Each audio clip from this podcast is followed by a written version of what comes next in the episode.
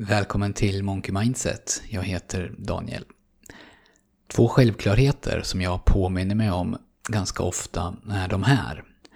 Om du gör som du alltid har gjort kommer du få samma resultat som du alltid har fått. Och om du gör som alla andra så kommer ditt liv sannolikt att se ut som alla andras. Det är inget automatiskt fel att ha det så eller att få det så. Att få samma resultat som tidigare, det kan ju vara någonting bra och ha, att ha det som alla andra, det kan ju verkligen vara någonting bra. Men om man ställer frågorna till sig själv mer specifikt. Vad ska jag göra för att utvecklas inom just det här området? Eller hur ska jag kunna bli bättre på den här specifika saken? Eller hur ska jag kunna få den här delen av mitt liv att funka lite bättre? Oavsett om det gäller ens egen hälsa, ens karriär eller ens förhållande så är det nyttigt att påminna sig om att det ofta förhåller sig just så här att samma handlingar, samma vanor, kanske till och med samma tankar skapar relativt förutsägbart resultat. Och om jag inte är nöjd med samma resultat som jag alltid har fått så behöver jag troligtvis göra någonting annorlunda för att förändring ska ske. Jag vet inte hur det är för dig, men om jag ska se på mig själv och de områden jag vill förändra men där inte så mycket händer, så vet jag att i åtminstone 80% av fallen vet jag vad jag behöver göra och jag vet också hur det ska göras. Men ofta så blir det ändå inte gjort. Jag vet vad och jag vet hur och jag vill. Jag säger till mig själv att jag är beredd att lägga ner jobbet. Men ändå så rinner det här så lätt ut i sanden.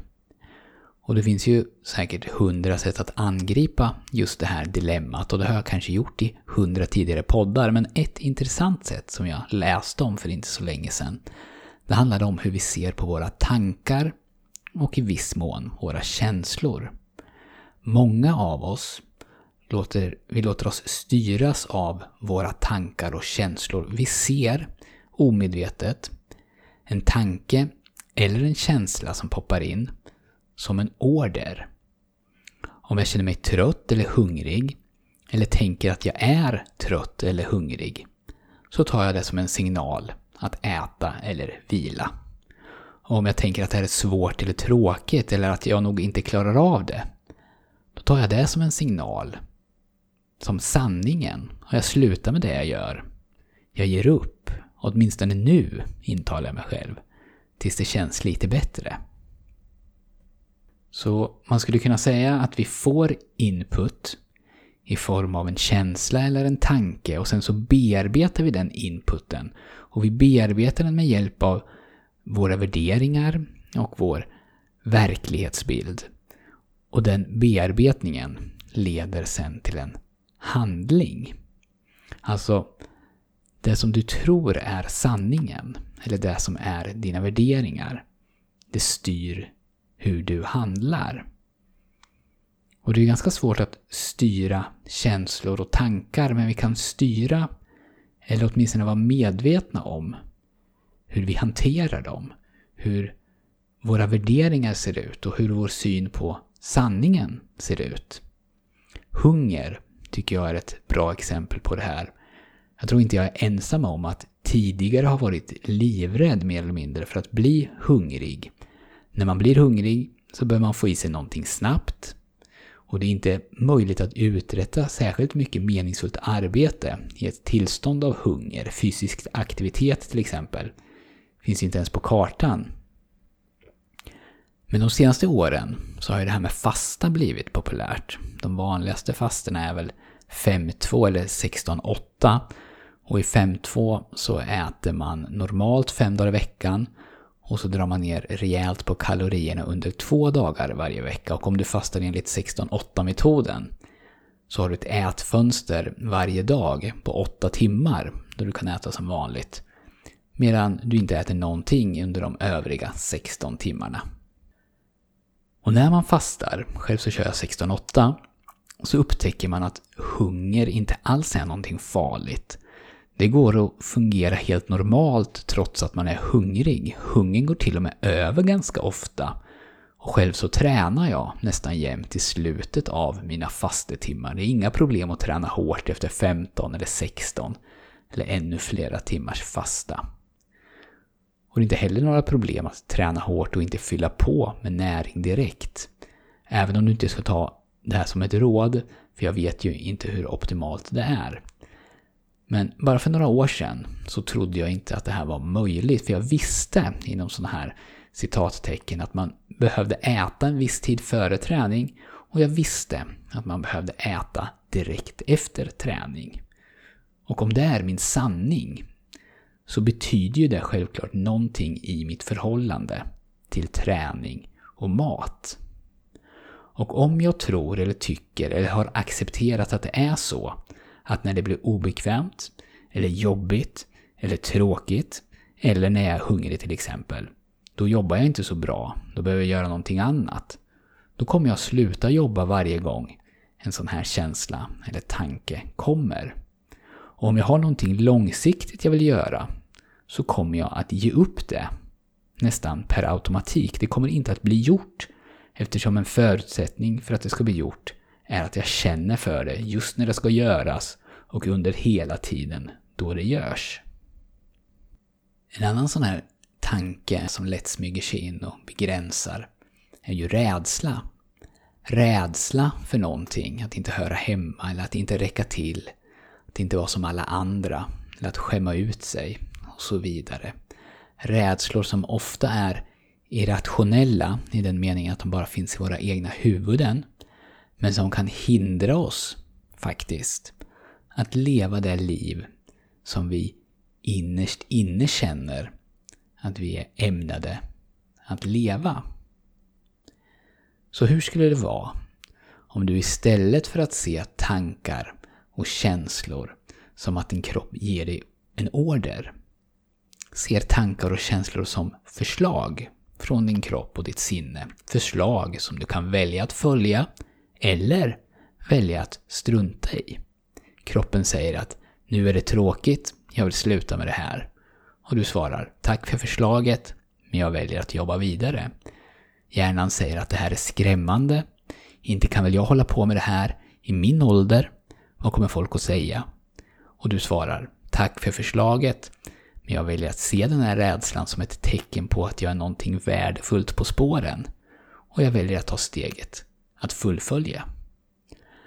Så istället för att tolka den här känslan av obehag som ett tecken på att du ska sluta, kan du börja tolka den som ett tecken på att du ska fortsätta.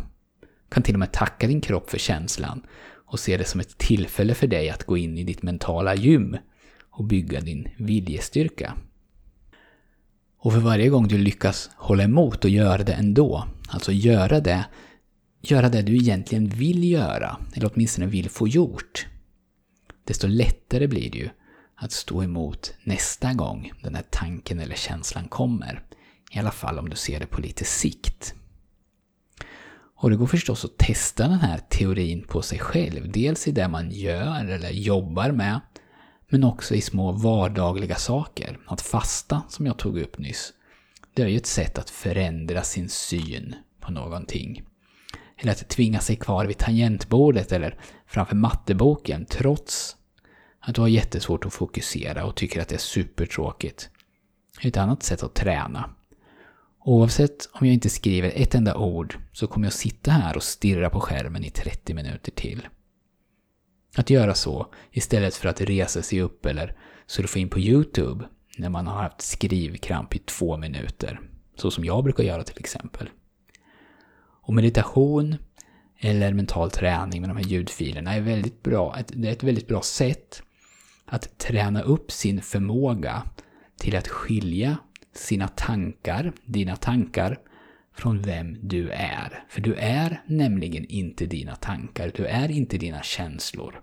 Du kan se dem som förslag, förslag du kan följa om de är bra för dig, eller ignorera om de inte leder dig dit du vill.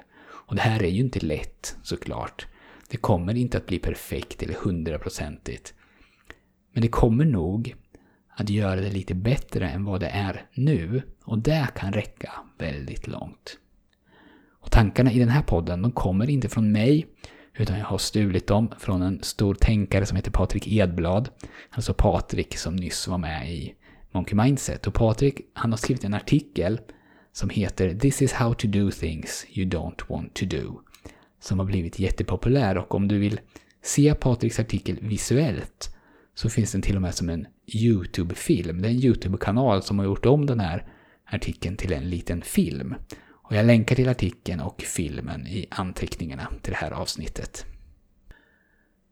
Och eftersom det här är höstens första avsnitt tänkte jag ge dig en liten kort uppdatering på vad som händer i Monkey Mindset just nu.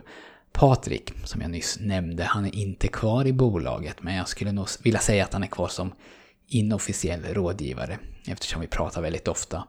Patrik kommer satsa hårdare på sitt skrivande och jag länkar till hans hemsida i anteckningarna till det här programmet och du hittar det på hemsidan.